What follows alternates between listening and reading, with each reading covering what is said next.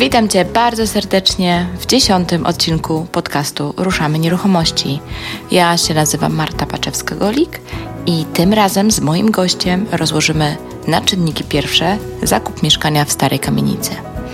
Pan Janusz Sobczyk jest konserwatorem zabytków z wieloletnim doświadczeniem.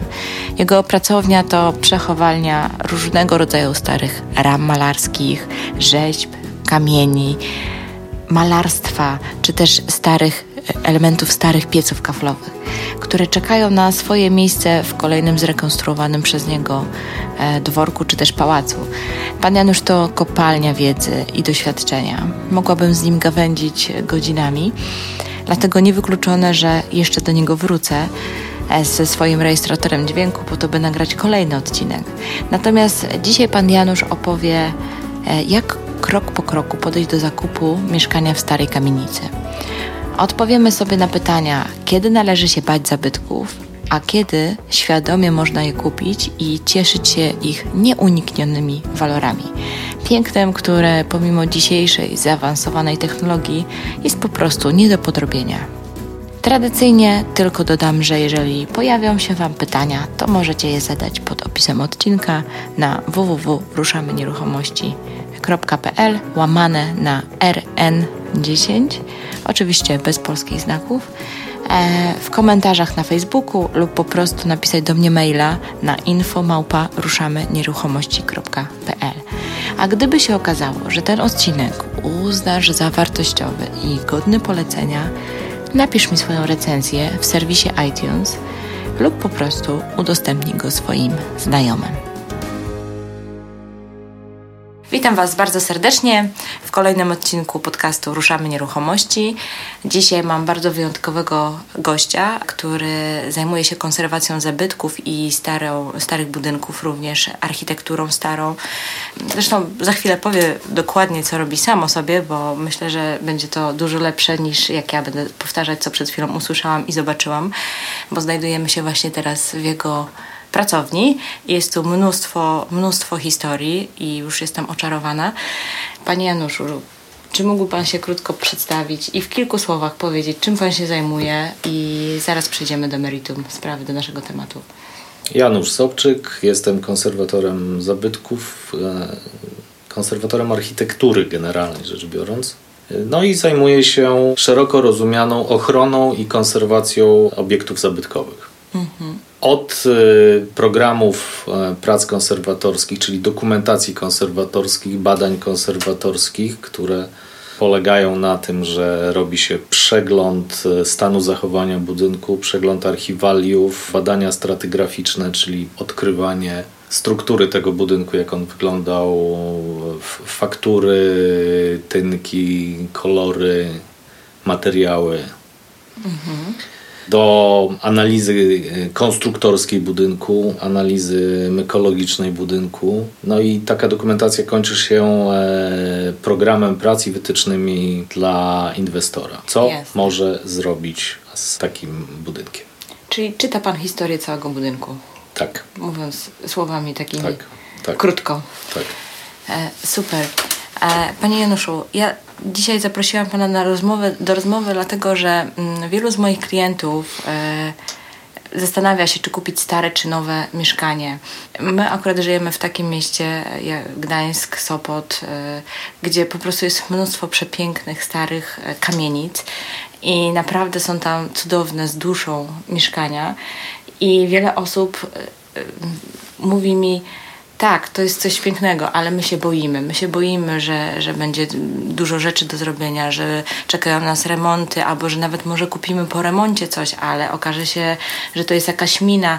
I ja postanowiłam nagrać odcinek po to, żeby troszeczkę odczarować ten mit, ale nie na zasadzie powiedzieć kupujcie stare, bo piękne, bo, bo ma historię, tylko żeby faktycznie podpowiedzieć tym osobom, co mogą zrobić, co kupując, jeżeli mają zamiar kupić starą kamienicę, mieszkanie, mieszkanie w takim budynku, to co sprawdzić, co należy, od czego należy zacząć? O. To jest bardzo istotne. Należy sprawdzić. I to sprawdzić kilka rzeczy. Po, po mhm. pierwsze, należy sprawdzić dokumentację takiego budynku. Jasne. co on ma, kiedy były robione remonty i w jakim zakresie były remonty, jak, jak, jak to było przygotowane. Niestety w ciągu ostatnich kilkunastu lat, bo to się nasiliło gdzieś koło roku 2000, y, masowo są robione remonty, bo te budynki mają circa 100 lat do czasów wojny były bardzo prawidłowo obsługiwane, bo to wynika z zachowanych dokumentów, tak? Czyli były systematycznie przeglądy, naprawy. Jasne. Po wojnie z tym był problem, bardzo duży problem, bo po pierwsze w czasie wojny zostały dość mocno nadwyrężone. Dla takich budynków e, brak użytkowania dłuższy, e, brak ogrzewania, brak prawidłowego zabezpieczenia dachów czy mhm. okien powoduje tyle, że przyspieszenie następuje e, bardzo duże zniszczeń. Tak? No i ta wojna zawsze, każda wojna, każda taka zawierucha tak. powoduje mocne zniszczenia. Po wojnie do tych mieszkań prowadzili się ludzie, którzy tutaj przywędrowali z innych rejonów. Bardzo często było tak, że zostały one przeludnione. Tak? Część budynków została zburzona w czasie działań wojennych. Po wojnie do tych dużych mieszkań, bo mm, tak. najczęściej to były bardzo duże mieszkania Mhm. Wprowadzało się kilka rodzin. Zmieniły się e, też e, jakby wymagania. Na przykład w kamienicach w Oliwie we Wrzeszczu, tych budowanych pod koniec e, wieku XIX i jeszcze na samym początku wieku XX, nie było toalet w mieszkaniach. Toalety mhm. były na półpiętrach. Tak. Były szachty takie całe. Tak. E, całe Jeszcze można spotkać je. Tak, mhm. no one dzisiaj są przerobione na jakieś tam szałerki, komórki. Tak. Ale kiedyś to były toalety. Bardzo często było tak, że łaźnie były e, gdzieś w piwnicach. Mhm. Więc te pierwsze lata powojenne to było użytkowanie jeszcze w tej strukturze, która została przejęta, ale zaraz szybko te budynki były dostosowywane do nowych potrzeb, tak? czyli no, prucie ścian, prucie instalacji, przerabianie tej instalacji, bardzo często mocno na dziko. Mhm. Gdzieś na przełomie lat 60. i 70. w tych budynkach zaczęły się sypać tynki zewnętrzne na elewacjach. No bo one już miały wtedy po 50, 60, 70 lat i to już było naturalne zniszczenie materiału. Ekipy remontowe, które wtedy wchodziły, poza wyjątkami, to były czysto budowlane ekipy. Czyli jak e, budynki miały na elewacjach dekoracje, egzymsy, jakieś rzeźbienia. Moteczek. Jak było, jak było trochę zniszczone, to pomagano, tak? Usuwano to wszystko. Dokładnie. Nikt nie wiedział, co z taką strukturą zrobić, po pierwsze. Po drugie, nie było presji ani społecznej, ani administracyjnej, żeby to zachowywać. Nikt nie widział w tym żadnej wartości, tak? a tylko mhm. komplikacja i utrudnienia dla realizacji, więc po prostu skuwano. No i obrzucano to tynkiem cementowym, bo to jest też moment, kiedy y, y, zaczęły dominować zaprawy cementowe. No i kultowy baranek. Baranek. Jeśli te tynki pod spodem trzymały się jakoś w miarę sensownie, no ten barankiem obrzucano po wierzchu. Jak nie, to skuwano do cegły i wtedy to robiono. Więc, więc to już było olbrzymie okaleczenie tych e, budynków powojennych. Mhm. Natomiast ostatnie lata, lata 90. po 2000 roku, mamy falę ociepleń. Mhm. Pod hasłem termomodernizacja głównie się rozumie ocieplanie styropianu. Styropian, no właśnie. Dla budynków tych stuletnich Styropian jest to zabójstwo. Robimy termos. Pod tymi styropianami nie mamy żadnej kontroli nad tym, co się dzieje. Tak? Teoretycznie mm, powinny się polepszyć parametry termiczne mieszkań, ale przede wszystkim jest to dużo prostsze wykonawczo. To jest e, kampania e, producentów, handlowców i wykonawców. Mhm. Tak naprawdę tym budynkom ten styropian jest w ogóle niepotrzebny. Żeby w mieszkaniach w starych kamienicach nie było wilgoci, to trzeba zrobić kilka rzeczy. Izolację fundamentów, sprawny system odprowadzenia wody opadowej, czyli począwszy od dachów, przez mhm. E, wszystkie opierzenia, orynnowania i odprowadzenie tej wody zrzutowej i szczelne wyprawy tynkarskie z dobrą malaturą. Ten styropian jest absolutnie niepotrzebny. Chyba, że w przypadkach, kiedy wyraźnie są zbyt cienkie ściany, ale to dotyczy naprawdę niewielkiej ilości budynków. Zdecydowana większość kamienic ma bardzo grube ściany. Tak, bo one były budowane metodą tradycyjną i, i najczęściej to przecienienie ścian następuje w partii strychowej. Mhm. Bo to jest jeszcze jedna bardzo charakterystyczna cecha. Strychy najczęściej w 90% albo więcej e, nie były użytkowe. Tak, nie były mieszkalne. Były budowane z założeniem, że tam będzie się Tak. suszyć prania albo coś. Czyli jeżeli mamy ścianę od kondygnacji piwniczych przez kondygnacje mieszkalne grubości powiedzmy dwóch cegieł, to kondygnacja strychowa potrafi mieć grubość ściany na jedną cegłę. To w zupełności wystarczyło, Wystarcza. tak? No tak. To jest y, podstawowa sprawa, na którą trzeba zwrócić dzisiaj uwagę. W momencie, kiedy szukamy przestrzeni do życia, e, wykorzystujemy strychy. Od jakichś 20 lat te strychy właściwie zostały przeczesane. Większość została zasiedlona. tak. No właśnie. I tam bezwzględnie jest konieczność ocieplenia. Tylko no, nie możemy ocieplić e, kondygnacji strychowej na zewnątrz, bo to będzie debilizmem. E, W związku z czym lecimy tym styropianem po całości. Na dole to naprawdę nie ma sensu. Tak? Po drugie, dobra wyprawa tynkarska, tylko nie akrylowa, tak? mineralna, czysto mineralna. Szczelna wyprawa daje tyle, że ta wilgoć przez mur nie przechodzi. Jeżeli jeszcze do tego dołożymy dobrą krzemianową farbę, która ma odpowiednią dyfuzyjność, czyli para wodna z wnętrza wychodzi swobodnie, bo tak są kapilary ustawione, natomiast nie wchodzi z zewnątrz w zupełności to wystarczy dla budynku, tak? Natomiast styropiany, po pierwsze, klei je się punktowo, więc za tymi styropianami pozostają pustki. E, Po drugie, na stykach tych styropianów bardzo często są mostki termiczne i tamtędy jednak to paruje. To ucieka to ciepło, tak?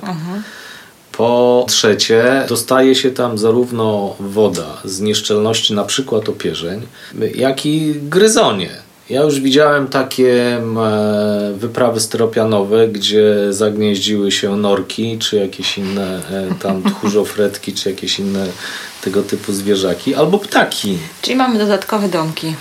Dodatkowe domki. I nie mamy kontroli, bo my nic nie widzimy. Ten styropian z zewnątrz siatkuje się, zaciąga się Tak, wyprawą, tak.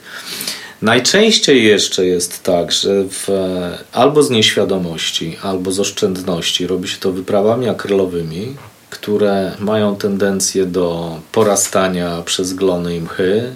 W naszym klimacie, gdzie wilgotność jest bardzo wysoka, to następuje niemalże pół roku po wykonaniu takiej elewacji. Pigmenty farb y, mają słabą odporność na UV, więc tracą barwę, wyplamiają się. Więc to jest, to jest w ogóle bez sensu. Mówię, Tutaj zarówno producenci, jak i wykonawcy naciskają na takie rozwiązania, bo, bo zarabiają na tym. tak. tak. To jest najprostsza forma roboty. Dzisiaj dobrych tynkarzy jest stosunkowo niewiele, natomiast przykleić styropian może każdy. Każdy.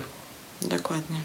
Te ocieplenia styropianowe są zupełnie bez sensu, ale e, jakby wracając do, do, do podstawy, co należy zrobić? Sprawdzić właśnie dokumentację, tak? Co my, co my tam mamy? Czy te remonty były robione? Jeśli były robione, to w jakim zakresie były robione? Z tych dokumentów powinniśmy wyczytać e, bardzo dużo informacji, które będą przydatne.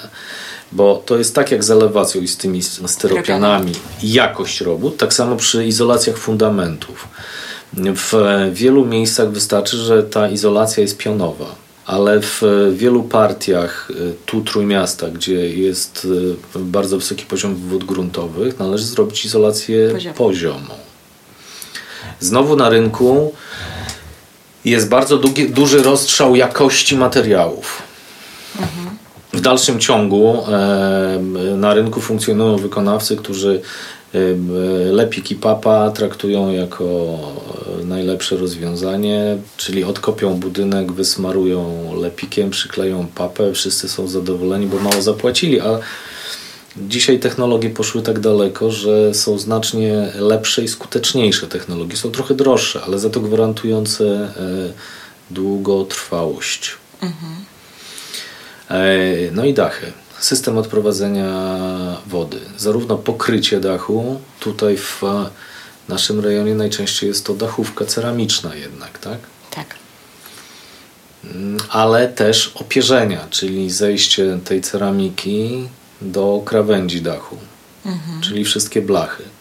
Kiedyś robiono to z blach e, cynkowych, grubych, ale e, łatwo plastycznych. One łatwo się poddawały obróbce, można było je wywijać, układać bardzo dobrze.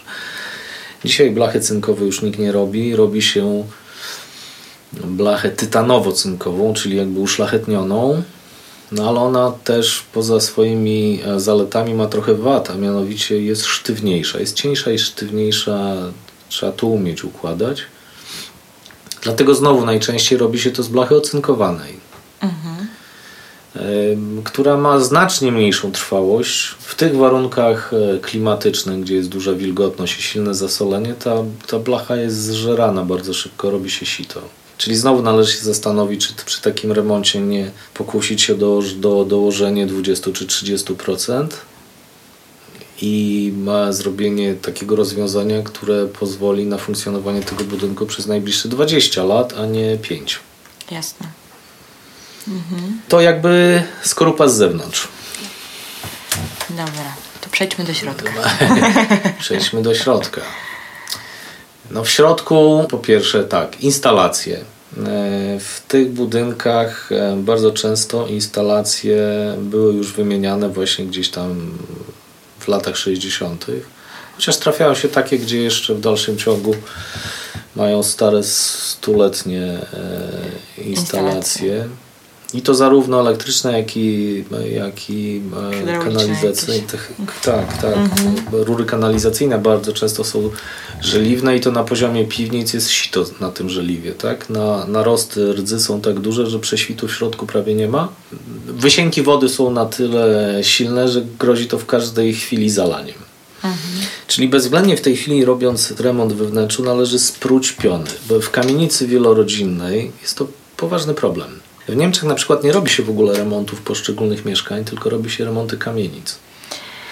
U nas chyba niektóre wspólnoty też wymieniają całe piony. Ta, tak, tylko że ja, ja mówię o jakby innym podejściu realizacyjnym. Tam się mhm. robi w ten sposób, że się wykwaterowuje wszystkich albo daje się ludziom jakieś mieszkanie, czy zastępcze, czy, czy, czy w ogóle ktoś kupuje to mieszkanie, ten, ten dom, tak? Mhm. Spruwa wszystko w środku, robi wszystkie instalacje jednocześnie naraz, tak? Mhm. My dzisiaj te remonty robimy albo w poszczególnych mieszkaniach, albo czasami, tak jak pani mówi, y, y, pionami. Tak? tak. To jest jedyne słuszne rozwiązanie, żeby założyć piony, całe piony od góry do dołu, bo mhm. gwarantuje to tyle, że zrzuty wody i ścieków dają gwarancję sprawności po całej kondygnacji, bo jak nie robimy to na jednym plastrze, to albo od góry, albo od dołu mamy problem.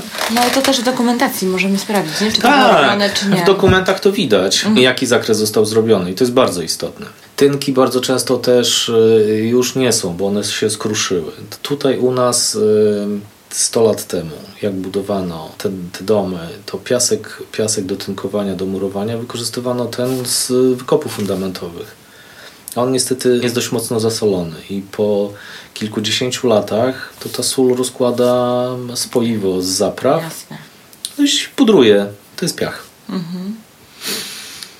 W związku z czym tynki na ścianach najczęściej mm, są w stanie masakrycznym.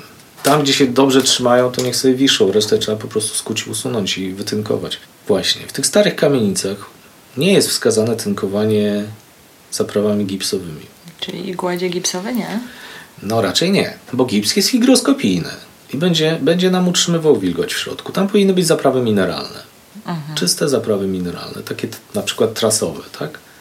które powodują cały czas oddychanie. Jeśli gdzieś się nam się większa wilgoć pojawi, to ta wilgoć nam swobodnie wyjdzie. Nic się nie będzie działo. Znacznie trudniejsza sytuacja jest z sufitami. Konstrukcje em, przegród poziomych w tych budynkach są drewniane poza piwnicami. W piwnicach najczęściej są to stropy ceramiczno-stalowe typu Kleina, ale wszystkie pozostałe są drewniane. Mhm. W związku z czym na drewno e, robiono deskowanie do tego deskowania mocowano e, trzcinowe maty i na to obrzucano tynk wapienny, gruby. Te maty trzcinowe e, są rewelacyjnym rozwiązaniem, bo one przenoszą pracę drewna tak? i te mhm. sufity raczej nie pękają. Ale mają jedną wadę. One są e, sprawne techniczne do momentu, kiedy nie dostaną powietrza. Czyli na przykład y, jakieś większe pęknięcie, zalanie, ubytek powoduje gdzieś wykruszenie zapraw. Mhm. Jeżeli taka mata trzcinowa zasie powietrze, to następuje y, niemal błyskawiczne y, rozłożenie jej. Spudruje się i pył się robi. No i to przestaje trzymać. Dlatego, dlatego mówię, trzeba patrzeć na sufity, jak one wyglądają. No i, i, i dzisiaj, e, dzisiaj bardzo często robiąc remonty odkrywa się w ogóle te stropy, wymienia się dyskowania. No bo mówię, jeśli one wody dostały, tak, mhm. czy poprzez awarię jakąś, a te awarie w latach 50., 60. były bardzo liczne, bo po pierwsze wprowadzali się ludzie, którzy nie rozumieli funkcjonowania takich domów po drugie było przeludnienie tych domów. Po trzecie przerabianie tych łazienek. Po, po trzecie przerabianie, tak? Mhm. Samo dzielenie e, mieszkań, wprowadzanie łazienek tak? i stawianie ścian działowych powodowało, powodowało poza obciążeniami stropów e, spruwanie części elementów, tak? wprowadzanie tych rur tam pomiędzy. Tak. Jeżeli gdzieś coś było nieszczelne i płynęła woda, to jak otwieramy czasami stropy, y, to belki nośne są wygniłe całkiem. Ich nie ma i to wszystko się trzyma jeszcze na, na deskach podłogowych. To jest dość istotne. Ale o, o podłogę to, to, za chwilę. Y, sufity. Skończmy sufity. Dobra. Rzadko dzisiaj się zdarza, żeby te sufity były na tyle dobre, że można je jeszcze raz y, po tym, co jest, zaciągnąć, osiadkować, zaciągnąć i wytynkować. Najczęściej jednak dla bezpieczeństwa i, i komfortu użytkowników robi się zawiesza się po prostu dodatkowy sufit na stelażu aluminiowym, czyli kartonowo-gipsowy. Jest to o tyle prostsze, że i wykonawczo jest łatwiejsze do zrealizowania i uzyskuje się wyrównanie płaszczyzny, bo jednak one są dość mocno pogięte. Mhm. No chyba, że są dekoracje sztukatorskie, wtedy mamy żal. problem. No wtedy żal. Wtedy mamy problem. A często się zdarzają naprawdę piękne dekoracje. No więc jak się trafiają dekoracje sztukatorskie, no to mamy zabawę. Mamy, mamy dwa rozwiązania. Albo sztukaterię zdejmujemy, tak, czyścimy na dole i je próbujemy powiesić z powrotem potem na wyrównanej powierzchni, albo wycinamy lustro, sztukaterię zostawiamy, wycinamy lustro, tynkujemy z ręki wtedy już, nie, nie, nie, nie płytami kartonowymi. No a sztukaterię doprowadzamy do, do stanu pierwotnego. Tylko tutaj to jest znowu jakby szczebel wyżej i, i e, finansowo i realizacyjnie, bo finansowo kosztuje to znacznie więcej, natomiast realizacyjnie to trzeba mieć sztukatora, bo żaden dłubak budowlany tego nie jest w stanie zrobić, bo nie wie nawet jak to jest zbudowane. No tak. Natomiast co do e, podłóg. Stare kamienice z kilku powodów najczęściej gdzieś zapracowały i nam posiadały na fundamentach. To może być e, woda gruntowa, e, to mhm. może być złe odprowadzenie wody z dachu, które gdzieś tam podcieka pod budynek i wymywa grunt i gdzieś fundament tąpnął. To mogą być działania wojenne. Silne wybuchy powodują tyle, że te budynki gdzieś tam mogą drgnąć i się przesunąć. Najczęściej to dzisiaj już nie jest e, szkodliwe dla tego budynku. Znaczy to nie postępuje najczęściej, mhm. tak? Czyli jeśli on gdzieś tam usiadł, pękł, no to już, już to się stało, czyli to trzeba naprawić.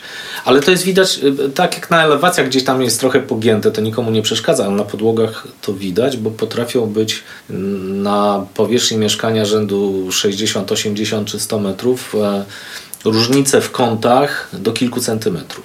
No tak, to już go okiem widzimy. Tak. No i to po pierwsze dyskomfort, chociaż to też jest pewien urok. Zależy co kto lubi. Ja na przykład u siebie zostawiłem te krzywości wynikające z osiadania budynku. Mhm. No musiałem tylko pod, pod zabudowami, pod regałami na książki sobie to wypoziomować, ale generalnie podłogi mam leciutko krzywe. Mnie to nie przeszkadza, ale tak. wiem, że, wiem, że niektórych to drażni i, e, i wtedy mamy dwa rozwiązania. Jeżeli te różnice nie są zbyt duże, to można na tych deskach podłogowych, które najczęściej mają już e, takie leciutkie beczki, tak? bo mhm. to drewno tak, tak. tak, pracowało, że się Też. powyginało, mhm. zrobić wylewkę. Mhm. Wylewkę wyrównującą. Masy do wylewek dzisiaj są tak skonstruowane, że po pierwsze po wylaniu po 3 godzinach można potem chodzić. Po drugie, bardzo ładnie się rozprowadzają, ładnie przylegają, nie pękają, więc można sobie ponadlewać i powyrównywać. Jasne. E, jeżeli te różnice są zbyt duże, to należy zerwać deski i na legarach to wyprostować. I niestety najczęściej tak robimy, bo te deskowania są na tyle zniszczone, że deska już ładna nie jest, jest nasiekana gwoździami. Próby Tak, wyjęcia albo- tych gwoździ spowodują tyle, że deski Albo malowana kilka razy, albo jeszcze czas. Farby to akurat nie jest ból, to farby można zdjąć, natomiast najgorsze są te gwoździe, jak jest nabite 50 kg gwoździ A no tak. e, i to jeszcze gwoździ kwadratowych, No tak. Wyjęcie ich spowoduje potrzaskanie, powyszczypywanie się tej deski i ani tego wycyklinować, bo ty, ty gwoździ, no nie ma co z tym zrobić. To No jest tak. po prostu ładnie wygląda, ale tylko i wyłącznie. Więc zdejmuje się deski, na legarach poziomuje się, okładając te legary obustronnie e, deskami, skręcając to i robiąc na ten poziom. Po czym trzeba położyć płytę OSB dzisiaj. To są, to są materiały ogólnie dostępne, Dostępne. budowlane. Najlepiej podwójnie na pióro w pustach. Wtedy tworzymy płaszczyznę absolutnie sztywną i równą. Mhm. I, I wtedy dowolnie. Parkiety, deski, wykładziny, kafelki, co kto sobie życzy. Jasne. Jasne, że tak. To jest jakby standard w kondygnacjach mieszkalnych. Znacznie większy problem jest na poddaszach. No właśnie, a sporo tego mamy. Bo był taki moment, kiedy masowo były wykupywane Tak. strychy i adaptowane pod zasiedlenie. No i niestety dziś największy ból to jest taki, że te strychy są już z drugiej ręki. Mhm. A to znaczy, że kupujemy minę. To znaczy, że nie wiemy, co kupujemy, bo, Nie. ten, bo ten, co kupił, to już nie, nie wie, co tam tak naprawdę było robione. Tym bardziej, że bardzo często było w ten sposób, że y, kupujący strych nie kupował go dla siebie i nie robił go dla siebie, tylko kupował go po to, żeby go zrobić i sprzedać. Tak, bo był taki moment, kiedy Tak. się to po prostu bardzo opłacało.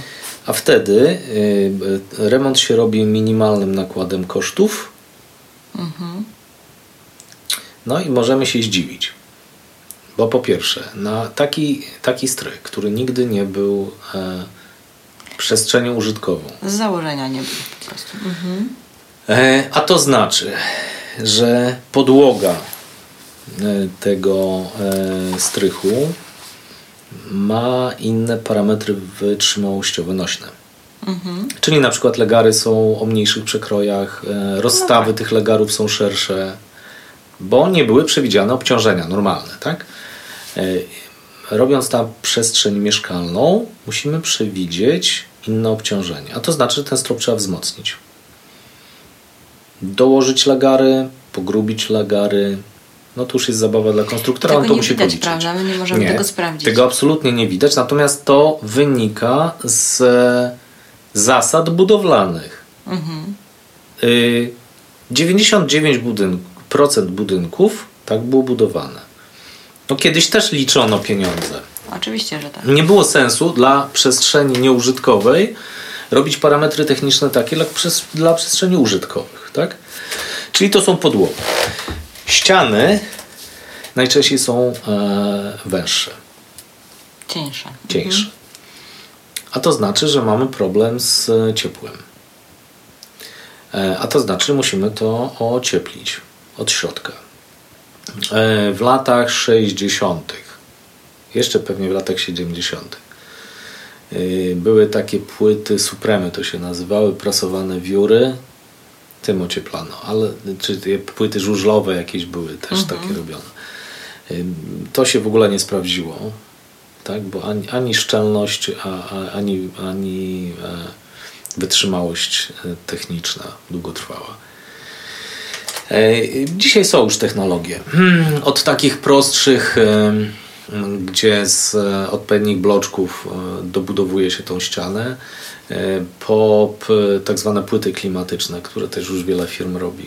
Od 6 chyba centymetrów, czy od 4 centymetrów, do kilkunastu centymetrów takie płyty klimatyczne zakłada się. Do tego są systemy wykończeniowe e, tynków na to i, i e, mamy parametry e, takie, które są dzisiaj powszechnie stosowane na rynku. Tak? Czyli to są ściany. No i zadaszenie. Zadaszenie, które wymaga odpowiedniego ocieplenia. Mhm. Tylko teraz tak, no, ocieplenie klasyczne każdemu się kojarzy wełna, Wełna. płyta, tak. wszystko, tak? Nie jest to do końca takie proste, bo po pierwsze mamy folie paroizolacyjne, które trzeba odpowiednią stroną położyć. Po drugie musimy zobaczyć jak konstrukcja wygląda bo to się wiąże z e, funkcjonowaniem tego obiektu od samego początku. Jeżeli poddasze nie było użytkowe, to nie było ogrzewane. No, jasne. E, konstrukcja więźby dachowej była zawsze otwarta. Wilgotność na tym strychu była zawsze znacznie większa. E, zimą było zimno, latem było bardzo parno. Dachówki były kładzione na zaprawie, w związku z czym pomiędzy dachówkami były prześwity. Tak. Jak była dobra śnieżyca w zimie, to ten śnieg leżał na strychu. Jak dachówka pękła albo się obsunęła, to w ciągu roku woda się lała na ten strych. Klasyczny sposób walki z tym to było podstawianie misek. Do dzisiaj zresztą bardzo często funkcjonujący. E, powoduje to tyle, że się natychmiast pojawiają grzyby. Tam, gdzie jest duża wilgotność, e, na drewnie pojawia się grzyb. Grzyb to jest takie e, ustrojstwo, które do tego, żeby się zagnieździć i rozwinąć, potrzebuje dużo wilgoci, ale potem już nie potrzebuje, bo potem sobie tą wilgoć z powietrza ściąga, czyli nie musi być do, do stawy wody ciągłej. Za grzybem idzie robal. Przeróżny. Od, od, od, od kołatki Yy, najmniejszego mm, robaczka żerującego w drewnie po spuszczele, które zostawiają dziury niemalże takie na palec. Yy, w momencie, kiedy strychy były nieużytkowe, to grzyby i robale się rozwijały wiosną, potem se harcowały do jesieni, po czym przychodziła zima, przymrażało porządnie, no i je też wymrażało w znacznym stopniu. tak, i wiosną apiać z powrotem. Proces się powtarzał. E, teraz, jeśli my to ocieplimy, pogrubimy ściany, damy wełnę mineralną, folię i te wszystkie różne rzeczy i nie zdezynfekujemy dobrze tego drewna, e, nie usuniemy wszystkich zarobaczonych i zagrzybionych kawałków, no to te grzyby, dost, te grzyby i robactwo dostaje tam rewelacyjnych warunków, tak? Bo po pierwsze nic ich nie wymraża, cały czas mają ciepło i na dodatek jeszcze mają wilgotno. No tak. No i się możemy zdziwić, bo po paru latach się okaże, nam konstrukcje wciągnęły. Więc tak naprawdę e, dezynfekcja całości i usunięcie miejsc e, silnie zaatakowanych i takich, które straciły parametry techniczne. Bo jak tego, e, tego robala trochę tam weszło, bo robal wybiela, wy, wy, wyjada biel w drewnie, te elementy miękkie. Mhm. Twardzieli nie rusza, yy, omijają. Więc jak gdzieś tam nam wlazł w, w drewno i gdzieś tam bokami sobie poszedł, to dla konstrukcji się może okazać, że to nie jest całkiem groźne. Można go tam trochę podtruć. Mhm. I jak mu się e, nie stworzy warunków do odpowiedniego życia, no to, to on sobie pójdzie. Tak? Wyginie i, i, i, nie wróci z powrotem. Ale to jest dość istotne potem dla funkcjonowania, tak? tak. Bo jak ktoś kupuje mhm. takie mieszkanie i robi sobie remont, no to chciałby przez te najbliższe kilkanaście lat mieć święty spokój, tak? No tak. No nie wracać do tematu. Nie miło się żyje z robaczkami. Dokładnie. E, tu jeszcze jest element, który pominęliśmy, a mianowicie okna. Te budynki miały okna skrzynkowe, drewniane. Skrzynka to są y, dwa rzędy skrzydeł, tak? Mhm. Skrzydła Takie podwójne. te zewnętrzne i mhm. skrzydła wewnętrzne.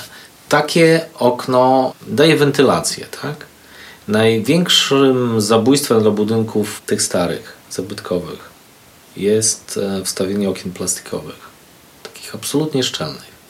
No dzisiaj większość okien, nawet tych plastikowych, ma na powietrzacze. Ale te pierwsze partie sprzed 20 lat nie miały tego. Nie miały. W nowym budownictwie po wstawieniu okien e, plastikowych pojawiają się zagrzybienia, jak ktoś tego nie wietrzy. A w starym budownictwie to było nagminne. Na dodatek Kiedyś tej wentylacji w mieszkaniach było znacznie więcej, bo były piece kaflowe. Piec kaflowy to nie jest tylko źródło ciepła, ale to jest też rewelacyjna wentylacja. to jest podłączone do komina, tak? Czyli cały, cały czas następuje tak, no przepływ powietrza, być, tak? Mhm. My dzisiaj, adaptując stare domy, bardzo często zapominamy o tej wentylacji. A wentylacja jest naprawdę bardzo istotnym elementem. Czyli to, o, o czym Pani chwilę temu powiedziała, że wymieniane są całe piony przy remontach. Należy pamiętać, żeby w tych pionach też wstawić jeden kanał wentylacyjny, tak? żeby cały pion przynajmniej raz odpowietrzyć, żeby mhm. była wentylacja porządna zrobiona. Jasne. No i generalnie rzecz biorąc okna, zarówno ze względów konserwatorskich, czyli tej plastyki zewnętrznej, jak z e, warunków użytkowania powinny być drewniane. No, niby, e, niby nie można wstawiać plastikowych okien, ale wiemy jak jest. To jest teoria. to jest tak, tak. W praktyce wykonawca pani przychodzi i najpierw mami, że będzie to znacznie taniej. Mhm. Potem mówi, że jak pani już chce trochę drożej, to on pani zrobi taki plastik, który będzie z zewnątrz wyglądał jak drewno. No tak. I no gotowe. I, I gotowe, tak. Jednak y, no, drewno to jest drewno. No tak, to naturalny, na, to jest naturalny, materiał. Materiał to jest zupełnie bez porównania. No, a my jesteśmy momentami tak niezdrowo zachłyśnięci technologiami i te, te plastiki pakujemy wszędzie. Wcale nie są dobre. W niektórych miejscach, a i owszem, ale, ale na pewno nie w tych starych kamienicach. Szczególnie, że mówię, ktoś, kto się decyduje na starą kamienicę, po tym, poza tym, że ma klimat, ma wysokość. wysokość. Y, tam wnętrza, przynajmniej na kondygnacjach podstawowych, mają przynajmniej 3 metry. Tak. 3 do 4 tak naprawdę. Tych mm. bardziej ekskluzywnych. A piano nobile to pierwsze piętro takie reprezentacyjne. Bardzo często potrafi mieć 4,20 albo 4,50. Także klimat jest niezastąpiony.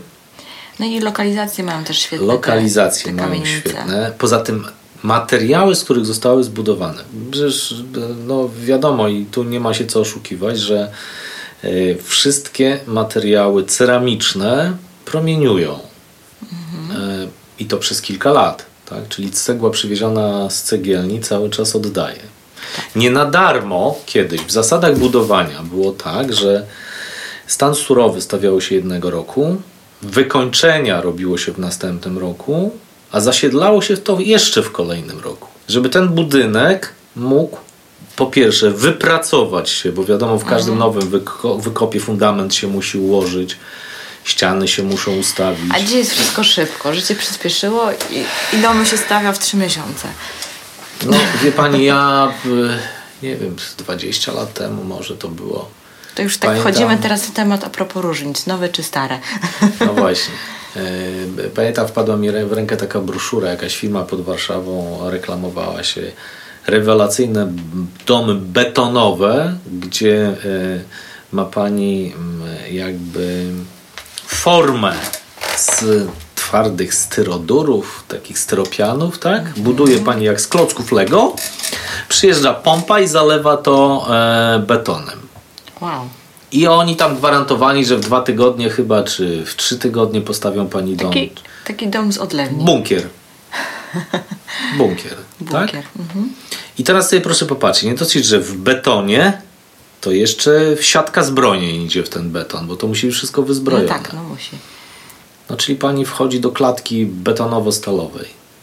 Rewelacyjnie nam się musi mieszkać. Nie mówię już o tym, że nawet jeśli to się zaleje w, tam w ciągu dwóch tygodni, zepnie się taki cały budynek, to ilość wody wpompowana będzie tam odparowywała przez najbliższy rok. Przy ta woda musi gdzieś odejść.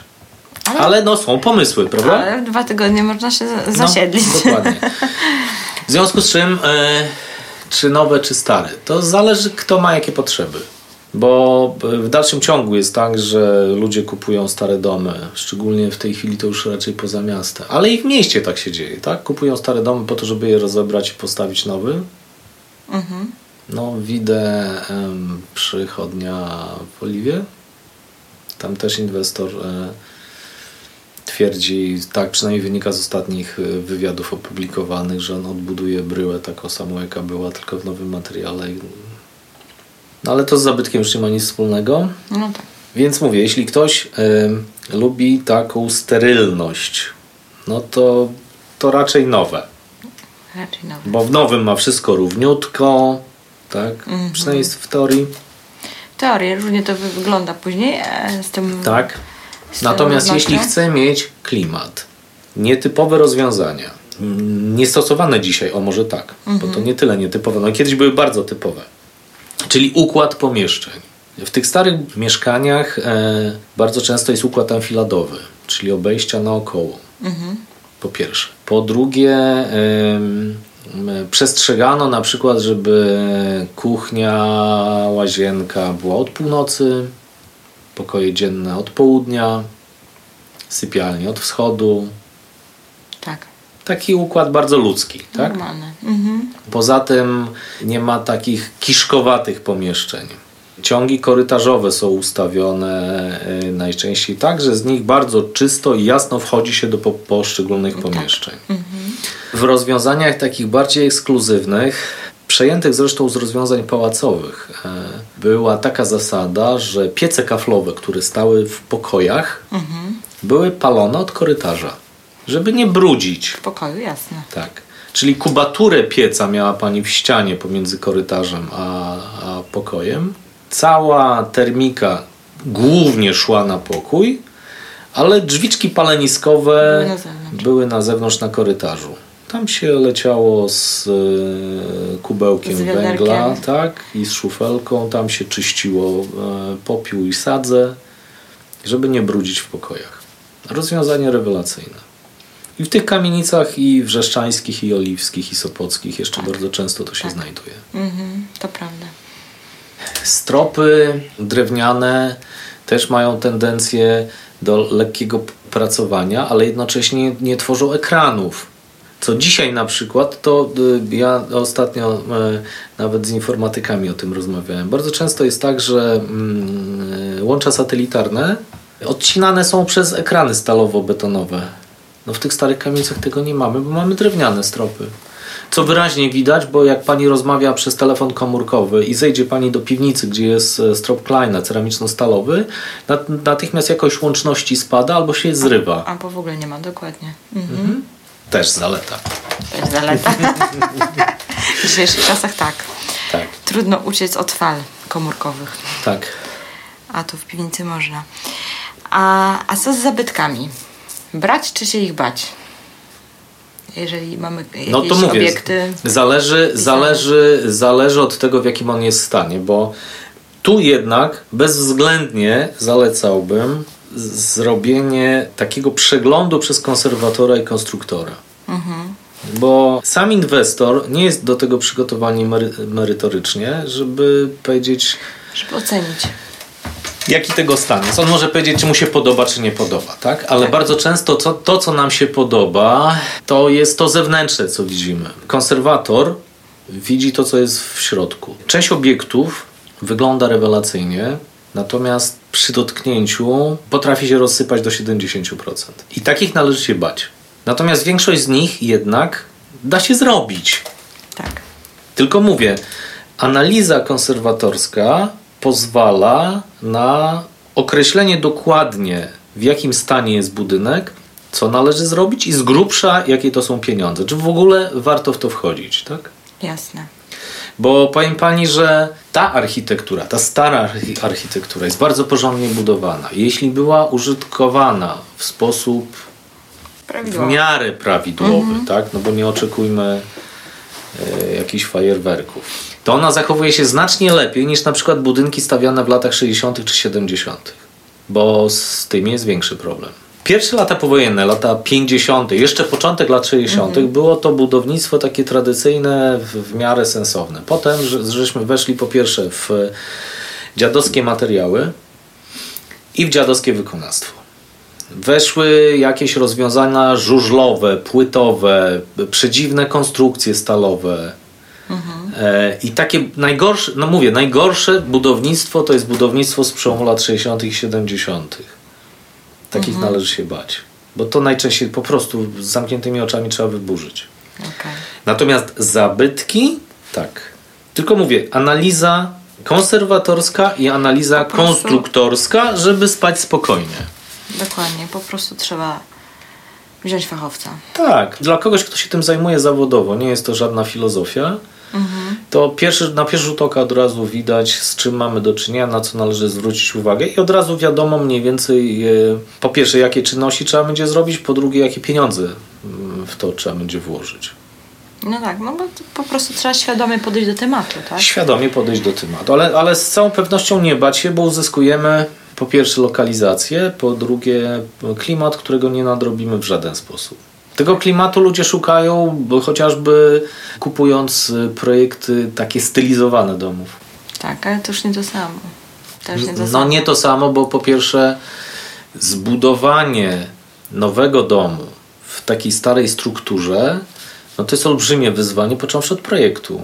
Projektanci dzisiaj e, inaczej patrzą na architekturę. Oni robią, budują to ze schematów. Tak? Te e, programy projektowe posługują się e, schematami.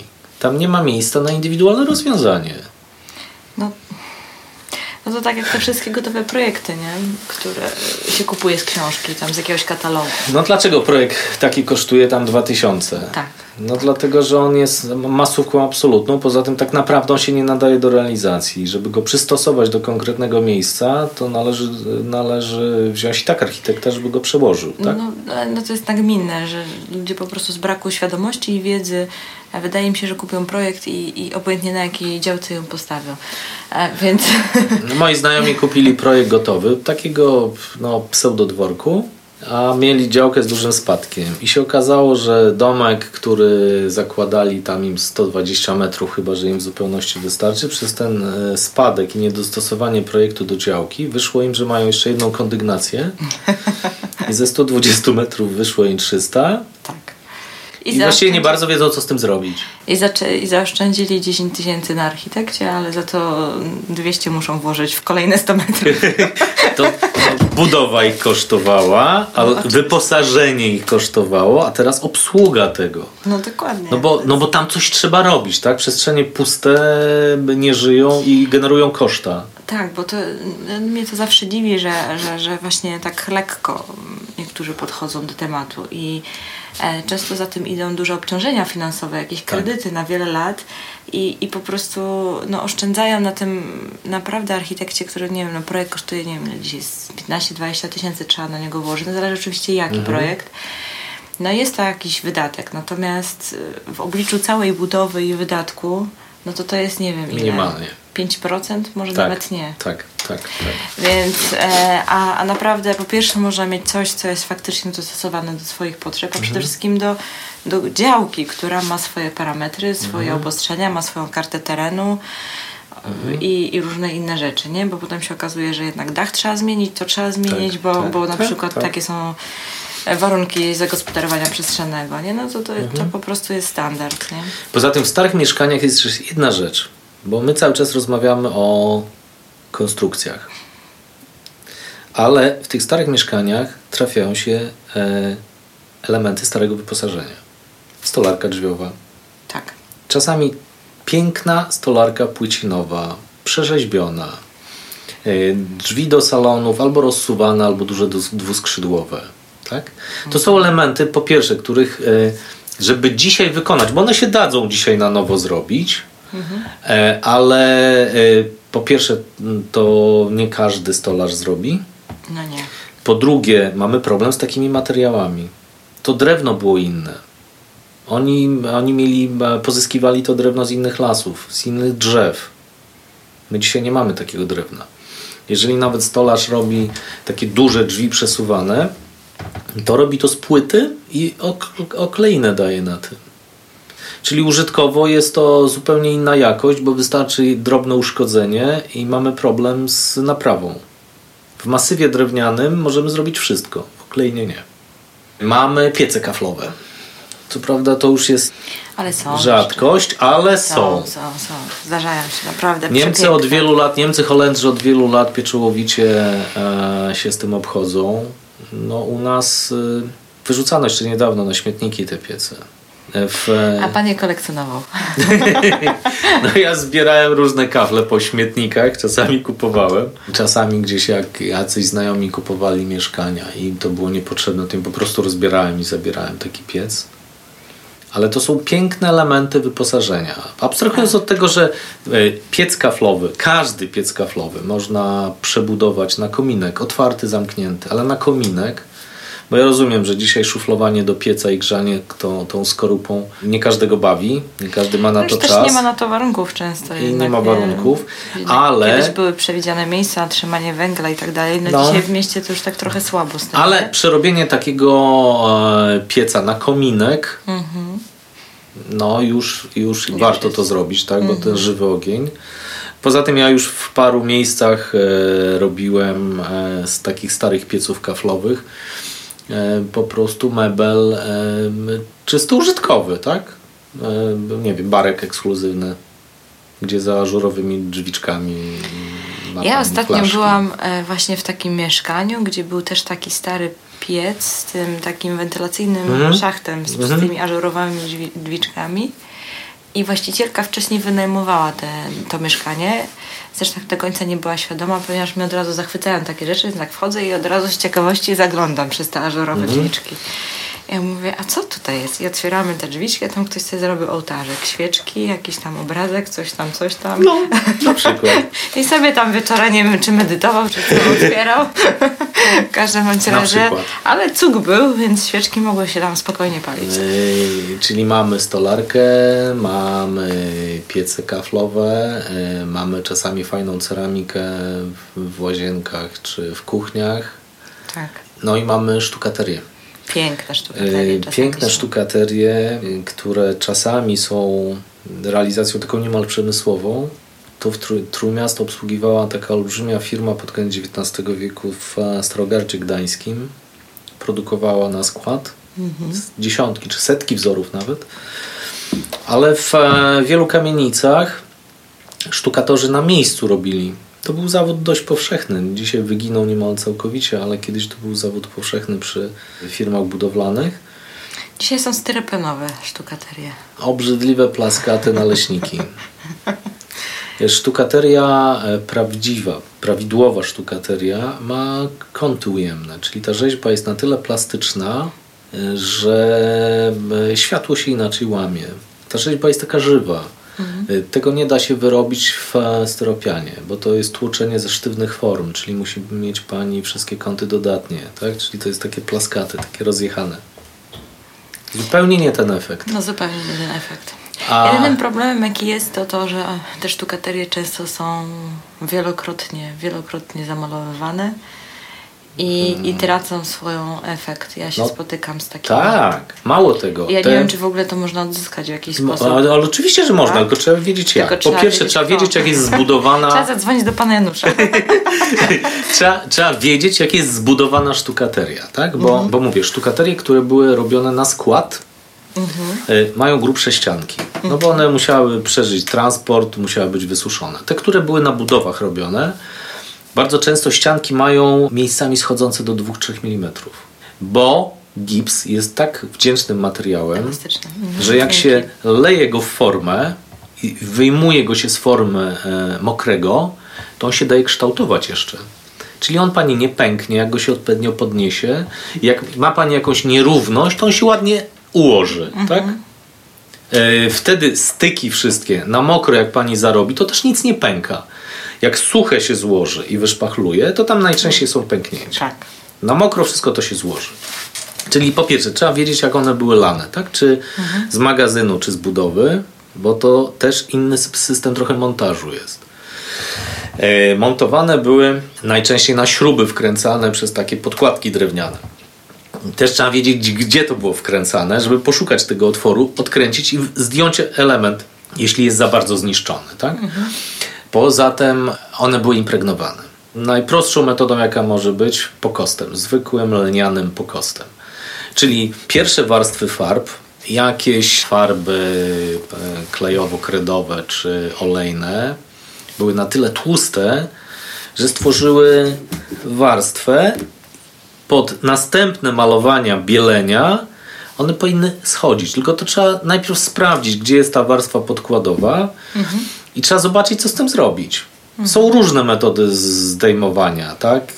No, najbardziej brutalna jest taka, żeby fizelinę na kleju kostnym wkleić kleić, po prostu taką szmatę potem zerwać. I bardzo często jest tak, że zrywa pani wszystkie warstwy za jednym razem do podkładu.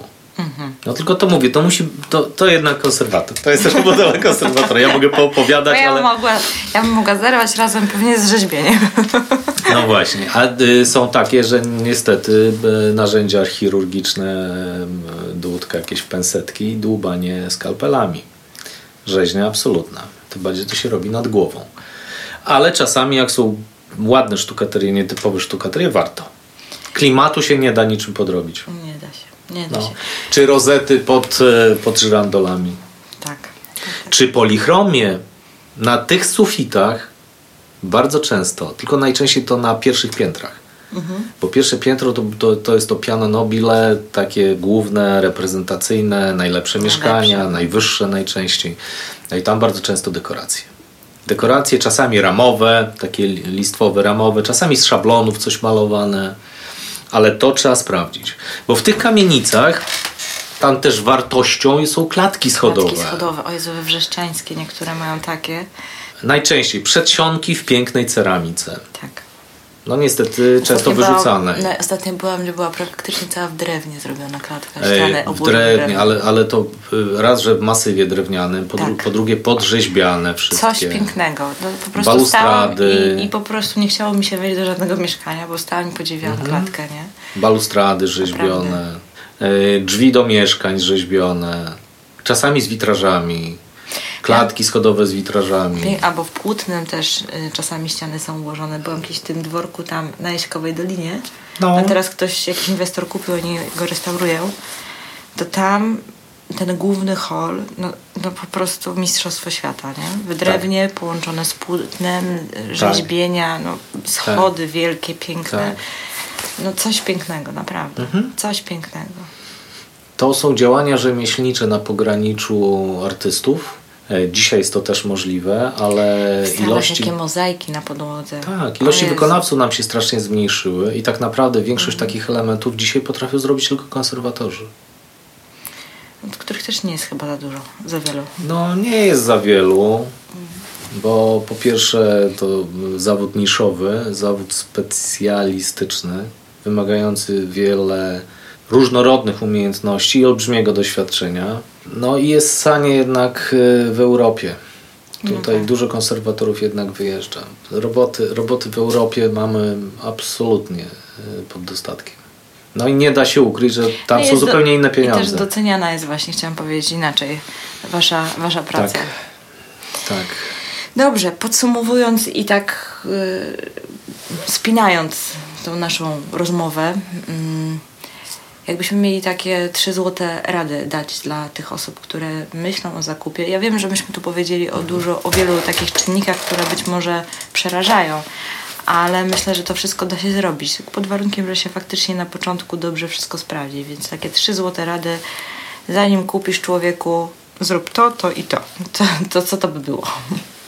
Pierwsze, by zapoznać się z dokumentacją budynku, tak? Czyli czy u administratora, czy u Mhm. właściciela, zobaczyć, co w tych dokumentach jest, tak? Co zostało zrobione, kiedy zostało zrobione, jak zostało zrobione. To powinno z dokumentów wynikać, Mhm. tak? Jeśli wygląda bardzo ładnie, bardzo nowo, bardzo wygładzone, to należy podejść do tego z e, dużą rezerwą. Tak. Czyli, Czyli pierwsze, dokumenty. Dokumenty. Po drugie, jednak zapytać kogoś, kto ma większe doświadczenie. Konserwatora zajmującego się architekturą.